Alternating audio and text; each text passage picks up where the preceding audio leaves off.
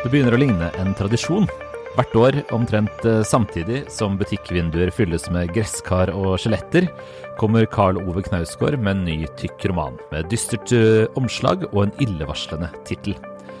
I år heter mursteinen Nattskolen, og det er altså fjerde bindet i den såkalte Morgenstjerneserien. Den og de har eh, vi lest, og vi tenkte vi skulle snakke om dem i denne ukens episode av Morgenbladets bokpodkast. Jeg heter Bernhard Ellefsen, jeg er bokansvarlig i avisa. I den andre enden av telefonlinja og videolinken og alt som er, sitter Olaf Haagensen, kulturjournalist. Hei, Olaf. Hei, Bernhard. Knausgård. Knausgård, ja. Har du lest den før? ja, altså Knausgård må vel rett og slett være den blant kanskje den forfatteren jeg har lest flest sider av. Det, må være, det kan det være noen tvil, da? Altså, det, det er jo riktignok ikke du, du, du, kan ha lest flere bøker, selvfølgelig, mm. av Sebald eller en annen av dine favoritter. Men flere sider. Ja, samlede Solstad, hvor mange sider er det, da? Ja, er kanskje, da. Helt der oppe, i hvert fall. Helt der oppe, i hvert fall. Ja, samme her. Samme her. Er det noen du ikke har lest? Jeg har noen uh, huller av disse mindre, litt sånn leilighetsaktige bøkene. Uh, som har utkommet mellom Min kamp, årstidsbøkene og denne her, ja. Mm. Mm. Men ellers så tror jeg jeg har mer eller mindre full, full pott. Ja, for det er jo liksom uh, noen verk her. Du, som du sier, det er noen mindre bøker. Det er et essay om Edvard Munch. Det er noen, noen bøker hvor Altså, hvor det er temaene stikker i andre retninger. Han har skrevet essays i noen fotobøker, han har skrevet en bok om fotball sammen med en venn, så vidt jeg vet. Men det er jo liksom noen store verk her nå. Ja, det er Min kamp-serien, da. Som jo alle kjenner til. Så er vel det, men før det, før den, så er det vel det vi kan kanskje kalle vankelbøkene. Jeg ville altså, kalt dem vankelbøkene, Ute av verden og En tid for alt. Eh, de hadde jo mm. også tall på ryggen, det ble bare to. Det var sikkert ment å være flere den gang også. Eh, jeg husker i hvert fall eh, Ute av verden hadde et ett-tall på, på, ryggen. Mm. Jeg tror det var et totall på ryggen av En tid for alt også. Altså. Mm. Det hadde gitt mening i hvert fall. Flere, flere ble det ikke, men vankelbøkene er jo et verk, ja. Min kamp-verket. Og så har vi Årstidskvartetten, ja. Eh, mm. Som jo er eh, tre bøker med mikroessays om verden. Og en liten Fire, vel? Nei, og en kortroman. Om våren ah, okay. er jo en sånn, ja. Eh, kortroman som, som, står litt ut i, i, verket, da, men som ja. kunne vært på en måte Min kamp, bind syv også. Uh, og så har vi nå Morgenstjernebøkene. De er fire av dem nå, da. Skrevet én mm. i året. Uh, utgitt omtrent rundt uh, skjelettet i butikkvinduetiden. Um, du har lest alle? Jeg har lest alle. Jeg leste Morgenstjernen da den, altså bind én, da den utkom, og så har jeg fortsatt med det. Og lest i mer eller mindre samme, altså i det øyeblikket de utkommer. Mm. I hvilken positur foretrekker du å lese disse romanene? I, hvordan, hvordan er din liksom hvordan har du kroppen når du leser dem? Er dette når du ligger, sitter, sitter, du bøyd over pulten med blyant og linjal, eller uh, ikke? Ja, jeg ligger uh, horisontalt, og altså, jeg sluker de. Det er jo noe vi kanskje kan komme tilbake til, men de er utrolig lettleste.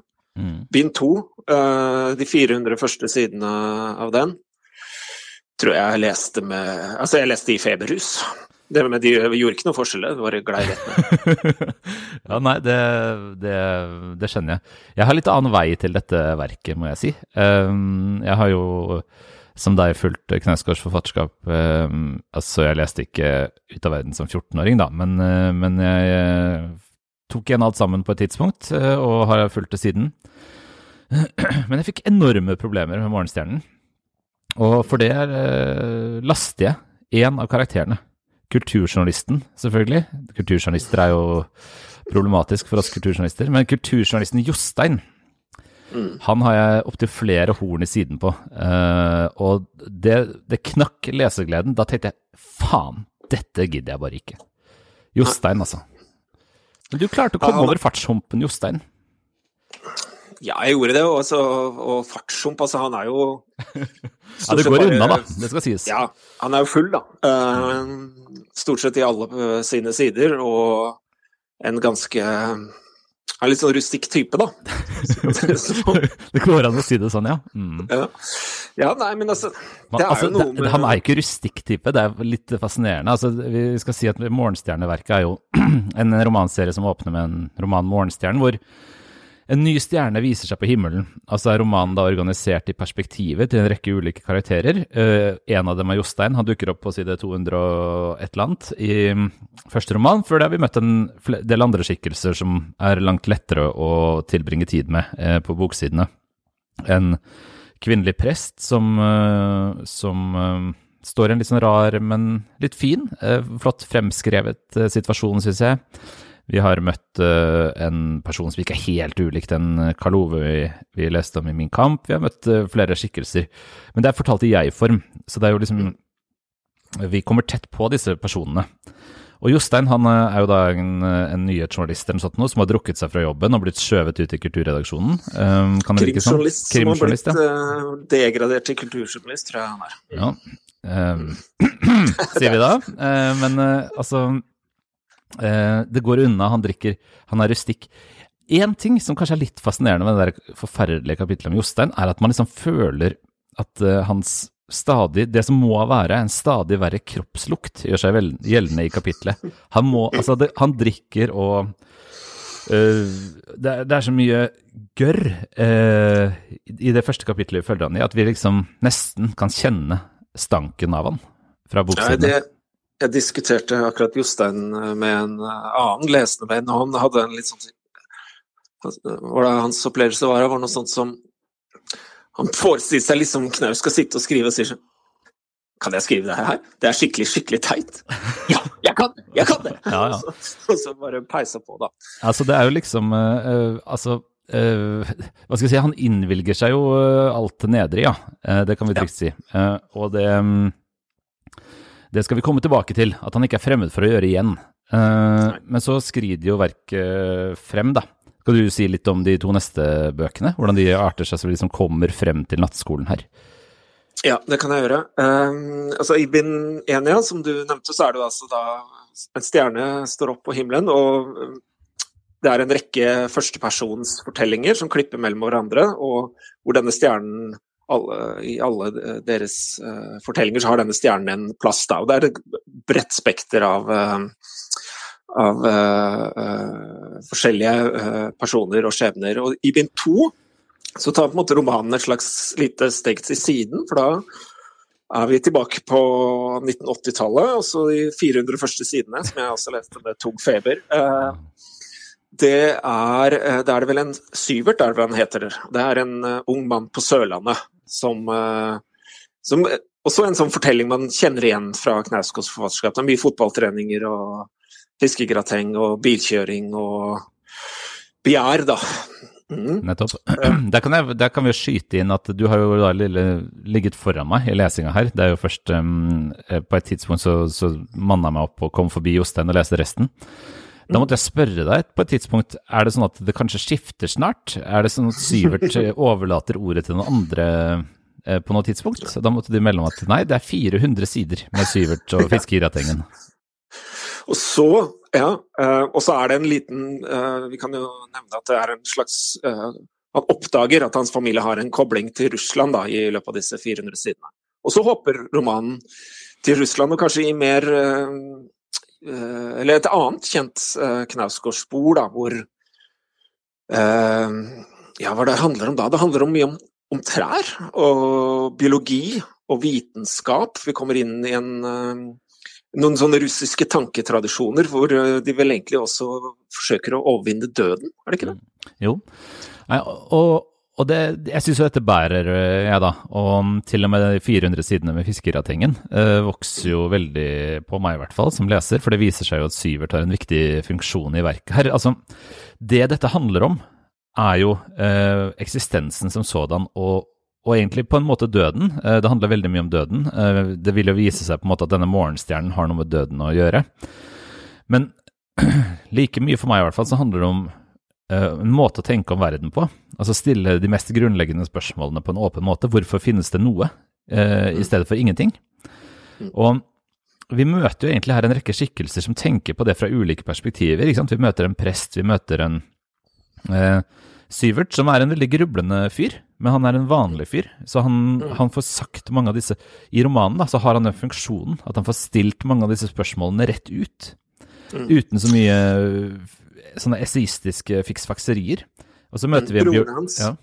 broren hans uh, sier på et tidspunkt sånn som du er, du er, så banal, Syvert. Og det er på en måte hans styrke innad i romanverket. da, At han på en måte kan stille disse litt sånn uh, naive, undrende uh, spørsmålene. Som stiller han også litt uh, laglig til for hugg fra et sånt intellektuelt perspektiv, men som også er veldig fint. da. Ja, jeg syns det er veldig fint. Og jeg syns den der lille påpekningen fra broren, som ikke er banal, men som er lillebror, og um, vel er nærmest en gutt da han sier det, tror jeg, er veldig viktig nøkkel. Og så kommer vi til en biolog som, som snakker om, om liksom biologiens forunderligste oppdagelser.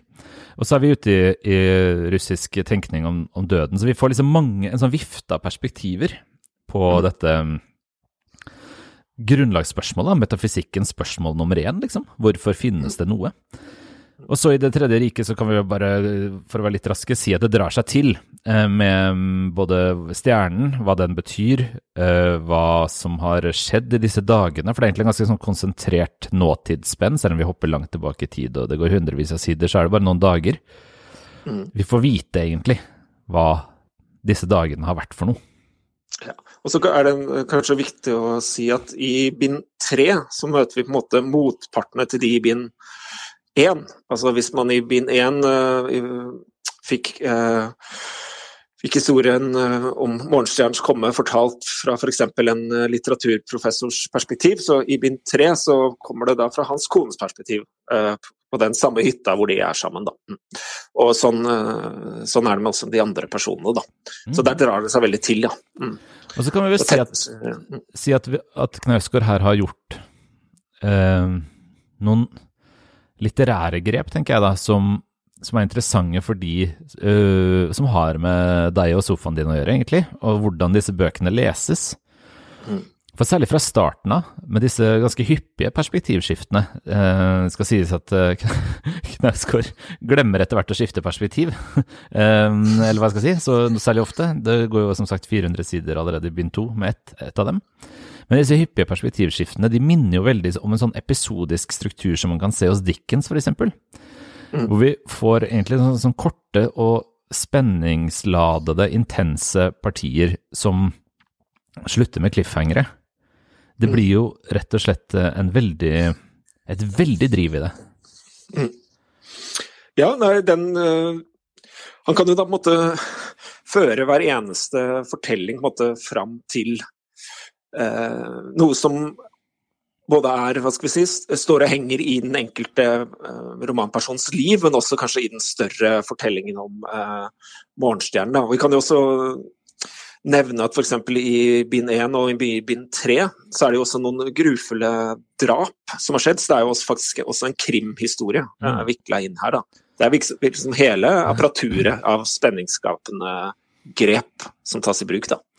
Vi har snakka før i denne podkasten, sikkert til det kjedsommelige, om, um, om content og oppmerksomhetsøkonomi, og, og liksom no, den Hva underholdning er å gjøre for noe nå.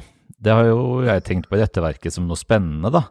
Altså at ikke, dette er jo ikke en TV-serie som er ment å, å, høste oppmerksomheten vår til salg for uh, Eh, folk som skal ha data om oss eller uh, selge oss annonser. Dette er jo en roman. Uh, men han i tenkningen omkring dette veldig store spørsmålet, hvorfor finnes noe i det hele tatt, så bruker han jo rett og slett grep som selvfølgelig har lange litterære tradisjoner, apropos Dickens, men som også er veldig nåtidige.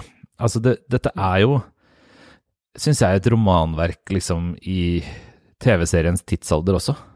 Mm. Ja, det er veldig enkelt å forestille seg den i hodet som en, som en uh, TV-serie, da, f.eks. Mm. Mm. Men han kødder jo med det også, må man si, når uh, man får lange strekk om mutualisme i biologien, eller, eller overskridelse av døden i russisk 1800-tallstenkning, eller 400 sider fiskegrateng.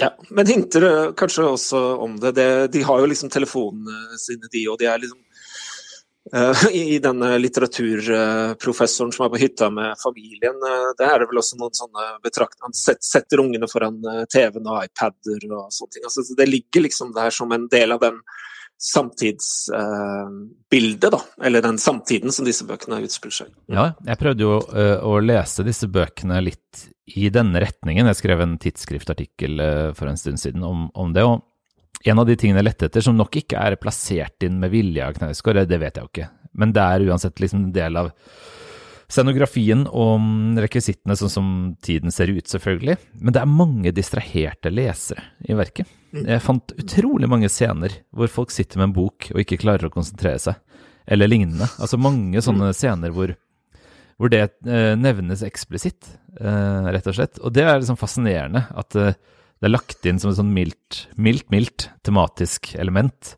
samtidig som romanen i sin egen form egentlig jobber med den her oppmerksomhetsøkonomiske situasjonen det er skrevet innenfor. Det gjør den. Ja, altså den er eh, det, er det er, spennende bøker. Du kalte, du vel, eh, kalte det vel rett og slett at uh, Brukte ordet trivial litteratur, at det var liksom trivial litteraturens gevanter. Du har ja. anmeldt boka denne uka. Ja, jeg har skrevet om nattskolen, da. Og det, det, tenker jeg jo Det er viktig den andre delen av det, da. For det er jo grenser for hvor triviale litterært dette er også. Det, det er jo Knausgård-romaner. Men jeg det, har tenkt på dette verket mer og mer som en idéroman i triviallitterære gevanter. Altså at den lar to ytterpunkter møtes. For idéromanen er jo ikke kjent som det letteste, eller verken å lese eller, å, eller, eller liksom i eh, hva skal jeg si, kulturelt, da. Idéromanen veier jo tungt i kulturen. Eh, så han lar to ytterpunkter møtes her. Han lar liksom eh, Det er drikking og puling og dreping, og det er essays om metafysikk eh, og utlegninger om de, de, store ting, rett og slett. I en, en eller annen form for slags egenartet forening. Ja. De store ting og marginale og okkulte tanketradisjoner. Det okkulte er jo en uh, strøm som går gjennom uh, hele verket. Jeg tror vi ikke røper for mye hvis vi liksom sier at det som uh, morgenstjernen kanskje har forårsaket i verden, da, er vel at portene til dødsriket har åpnet seg for en periode. Mm. og det er en masse annet sånt tankestoff som liksom som er esoterisk, enten i mer sånn uh, oldtidsforstand uh, eller esoterisk uh, vitenskap, da. Eller kanskje til og med de to stedene hvor vitenskapen blir så avansert at den begynner å ligne en form for magi, kan man kanskje i hvert fall ane at dette verket skal mot. Mm. Og der, der, der, Vi begynte jo med å snakke om de, de større prosaverkene nå, som avtegner seg i Knausgårds forfatterskap. Og Hvis vi tar de tre seneste av dem, så mener jeg man kan se en slags bevegelse altså, fra Min Kamp-verket, som på den ene siden handlet mye om en slags sorg over at verden var avfortryllet av fornuft og vitenskap. At magien var tatt ut av verden, på en måte, eh, ved hjelp av eh, stadig større kunnskap om den. At den er avmystifisert for oss. Og samtidig så gravde jo boka seg inn liksom i hverdagslivet um, og dets mest konkrete bestanddeler. Og så kom vi til Årstidskvartetten, som jo nærmer seg egentlig materien, da, eller den fysiske verden, fra motsatt synsvinkel. Det er jo en slags sånn besyngelse. Han skriver små tekster om veldig mange, alt fra tyggis til, uh, til større ting. Toaletter. Ja, ikke sant. Uh, og, og, så skriver de dem med sånn underliggjort blikk for å vise at dette er jo Hvis de liksom skrur om på siktet litt, så, så er jo verden sånn den er materielt sett, helt uh, uforståelig rik. Uh, og den var fylt av glede over den verden. Og så er det jo disse bøkene her, da, hvor han jo dikter opp en overnaturlighet. Riktignok mye ved hjelp av tanker som allerede finnes om det overnaturlige. Hvor han jeg tenker at han vil gjenfortrylle verden, rett og slett, med litterær skaperkraft. Så denne her fortryllelsestanken, den, den, manifesterer seg på tre ulike nivåer i disse tre ulike um, prosaverkene. Og um, enkelt sagt så liker jeg det veldig, veldig godt.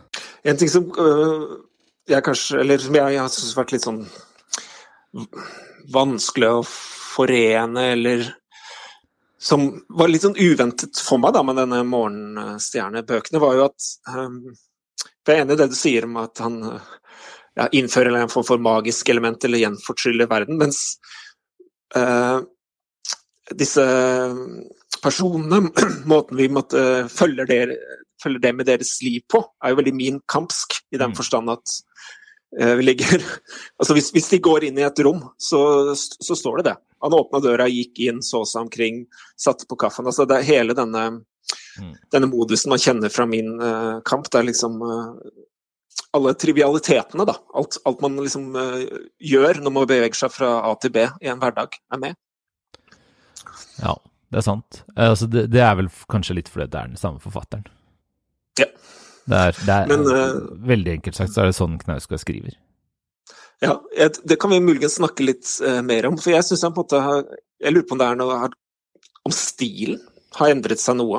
Om de opplever det fra, i dette morgenstjerneverket fra, de, ja, fra Min kampverk og fra Wankel-bøkene. For jeg syns på en måte han har kanskje blitt Den er blitt enda mer rendyrket, da. Altså denne han er Knausgård er uhyre god til å klare å skape driv i de enkleste ting, med en sånn her kombinasjon av uh, drysse noen uh, visuelle detaljer, enkle replikker, en kort, indirekte eh, beskrivelse, noen tanker. Altså, det er et voldsomt eh, Det er egentlig en voldsom fart i denne prosaen, og den er uhyre enkel å lese, ofte. Mm.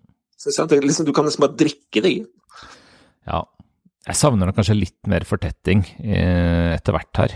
Altså at det mm. skulle vært, ikke vært fullt så lett drikkelig. Tror jeg vi kan si. Altså, natt, nattskolen er jo et godt eksempel, da, for den drar det jo enda lenger. Um, mm. Så når vi kommer til uh, bind fire her, så, så, tar vi jo enda et, nå, nå, tar vi et langt skritt til siden, uh, virkelig. Uh, vi møter en skikkelse som heter Christian Hadeland. Han uh, sitter og skriver på terskelen til et selvmord, forstår vi, på, i romanens absolutte åpning, men veldig raskt så er vi tilbake, midten av 80-tallet i London, hvor Christian er eh, student på en kunstfotoskole og mm, er en ung mann. Eh, også veldig, da, er han en ung mann. Og, og den romanen eh, består av den teksten som Christian sitter og skriver på. Det er ikke noen eh, perspektivskifter her. Det er ikke noe Vi skal følge Christian Hadeland gjennom livet til det punktet hvor han sitter på den øya. Og det er en på en måte kronologisk eh, fortelling, rett og slett. Han har liksom Det er ikke noe innskutte essays her. Er ikke, vi hopper ikke til eh, en russisk biolog eller, eh, eller sånn. Det er, det er, det det er. Mm, det er Christian Hadeland hele, hele veien, ja. Uh, så min opplevelse da jeg begynte å lese denne romanen var litt sånn at jeg, jeg trodde jeg satt med et puslespill med 500 biter, og tenkte at nå i bind fire uh, Og på det tidspunktet jeg begynte å lese denne, så var det siste jeg hørte at dette skulle bli fem bind.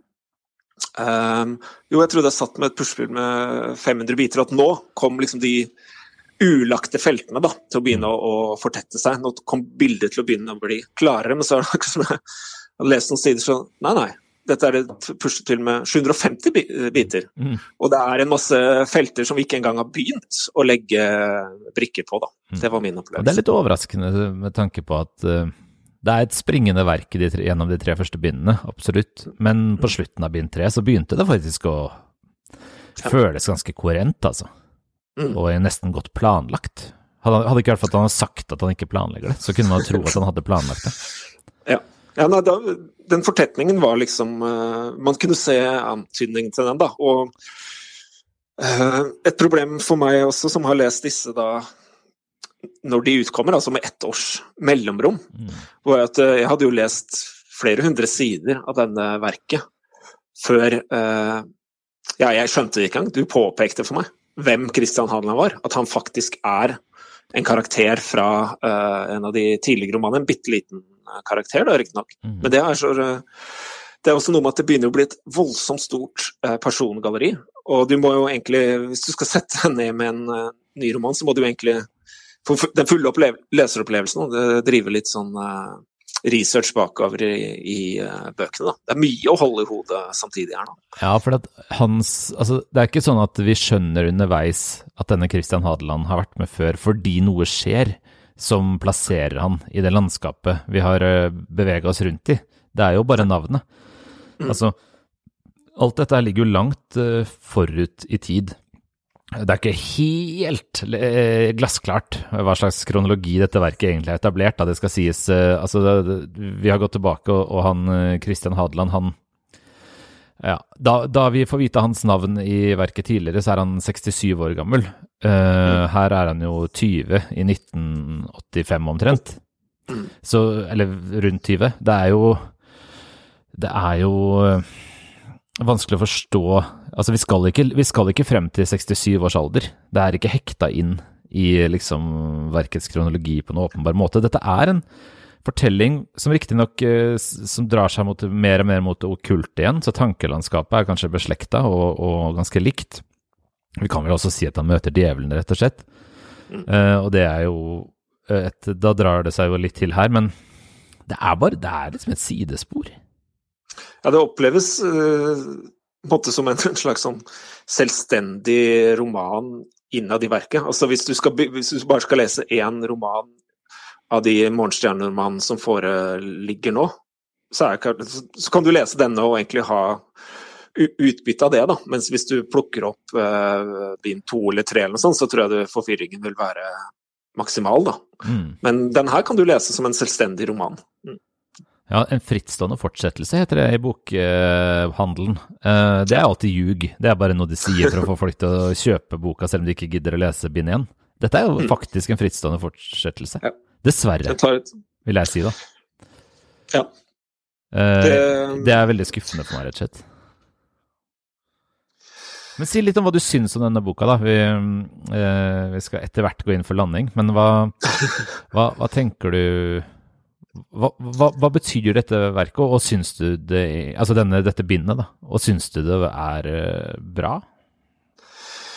Eh, begynne med det, hva det betyr, så har jeg lest det som en eh, slags eh, nyskriving eller, uh, av Faust-myten. da, Om en mann som selger sin sjel til djevelen i bytte mot noe. og i i Kristian Hadelands tilfelle, det tror jeg vi kan si uten å røpe mye, så tenker jeg at han måtte selge sin sjel for å kunne bli kunstner. da, For å få kunstnerisk kunstnerisk talent og kraft. Um, og det syns jeg jo måtte, liksom, per definisjon er litt spennende å ta opp eh, igjen en sånn eh, mye så, så viktig eh, kulturell myte som det.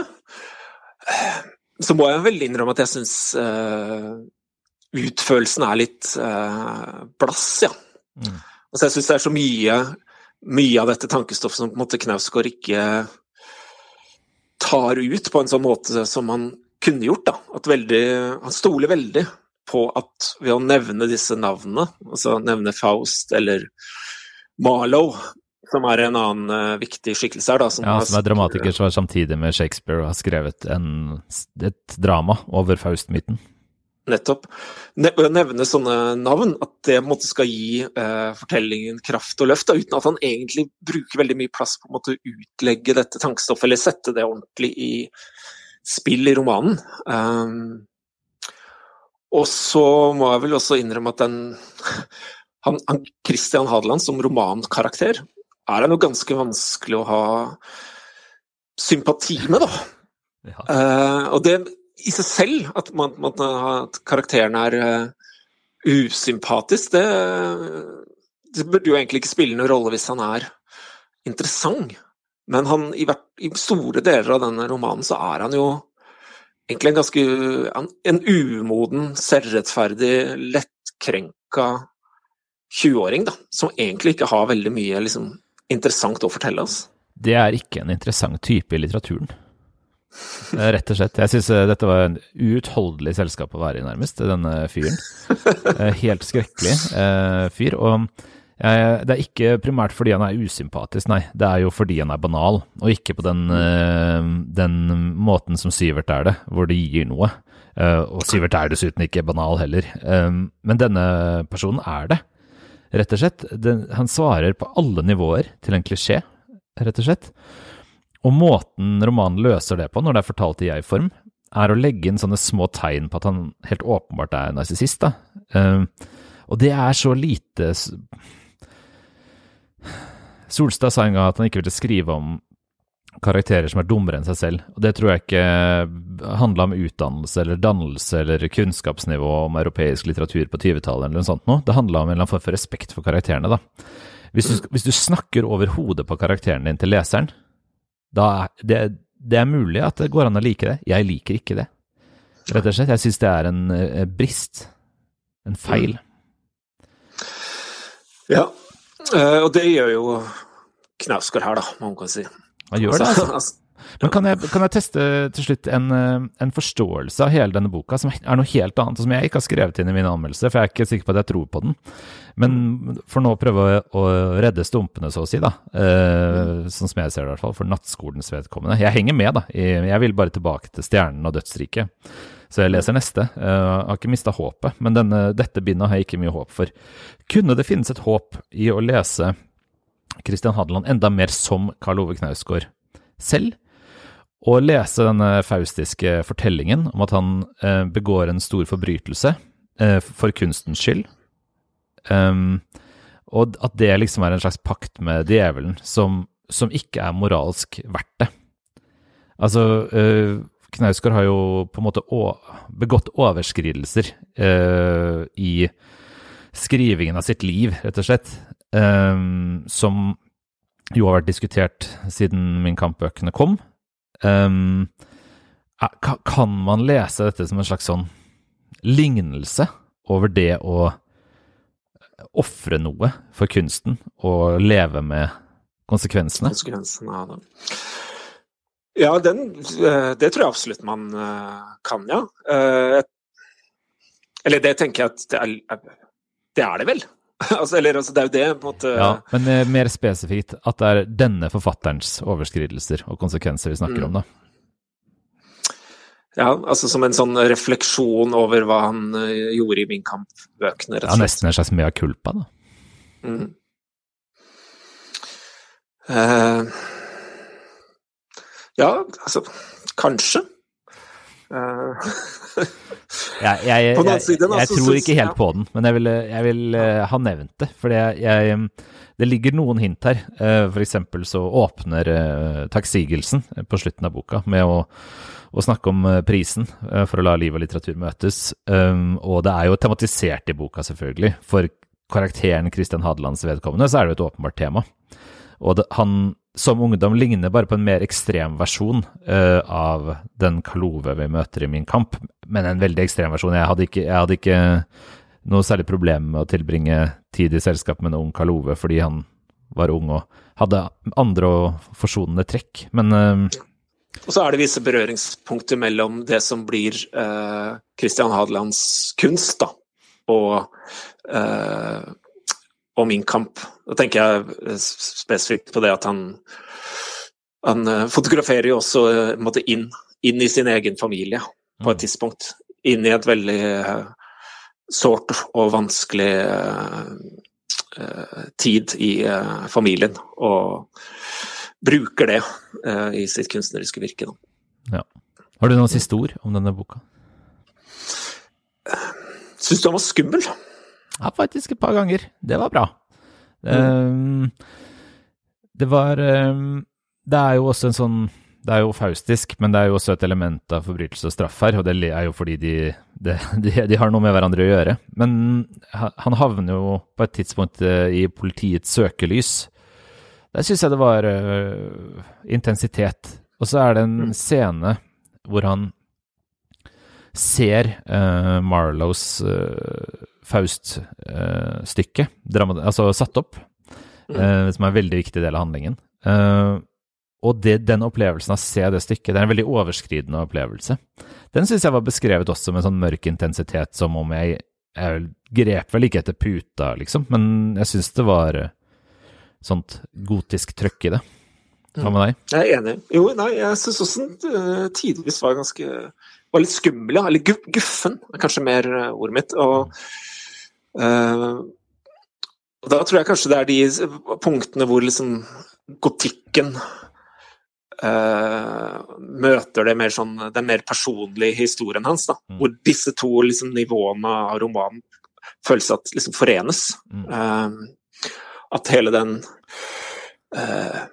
myten om det å selge sin sjel til djevelen og det Christian Hadeland liksom foretar seg i sitt ene lille liv, går opp i en slags uh, høyere enhet. Ja, da syns jeg det var ganske guffent. Altså. Ja. En mørkere enhet.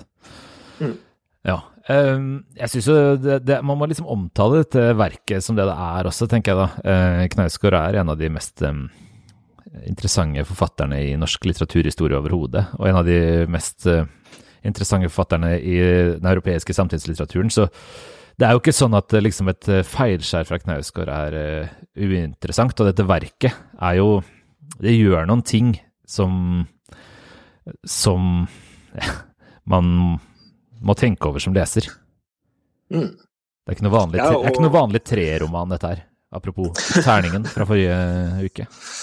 Nei, og selv om dette puslespillet mitt nå har blitt veldig mye større med, med nattskolen, så er jeg jo fortsatt interessert i hvordan det går opp. Jeg har ikke helt mistet uh, troen på at kanskje i lys av et bind eller to til, at nattskolen skal komme mer til sin rett. Ja, jeg håper det motsatte. Jeg håper at uh, bind fem begynner der bind tre slutter, at vi kan glemme den boka her. Anmeldelsen av denne boka, og selvfølgelig tidligere bind og en haug med andre Knausgård-bøker, kan leses i vårt arkiv på morgenbladet.no. Der kan du også abonnere på avisa, og hvis du slenger til en skråstrek og ordet podkast, så finner man lenker til vår politikk- og økonomipodkast og Kulturpodkasten med Elise Dybvik og Aksel Kielland, som også gjester vår feed nå eh, i noen uker eh, som slags, et slags bli kjent-tiltak. Uh, neste uke er uh, Ane tilbake igjen, men uh, jeg tror ikke din, ditt liv i podkasten er over. Det finnes et sånt Knausgårds dødsrike som skal entres, Olaf. Vi, vi, snakkes igjen. Det gjør vi, Bernhard. Takk for praten. Takk for nå. Takk for nå.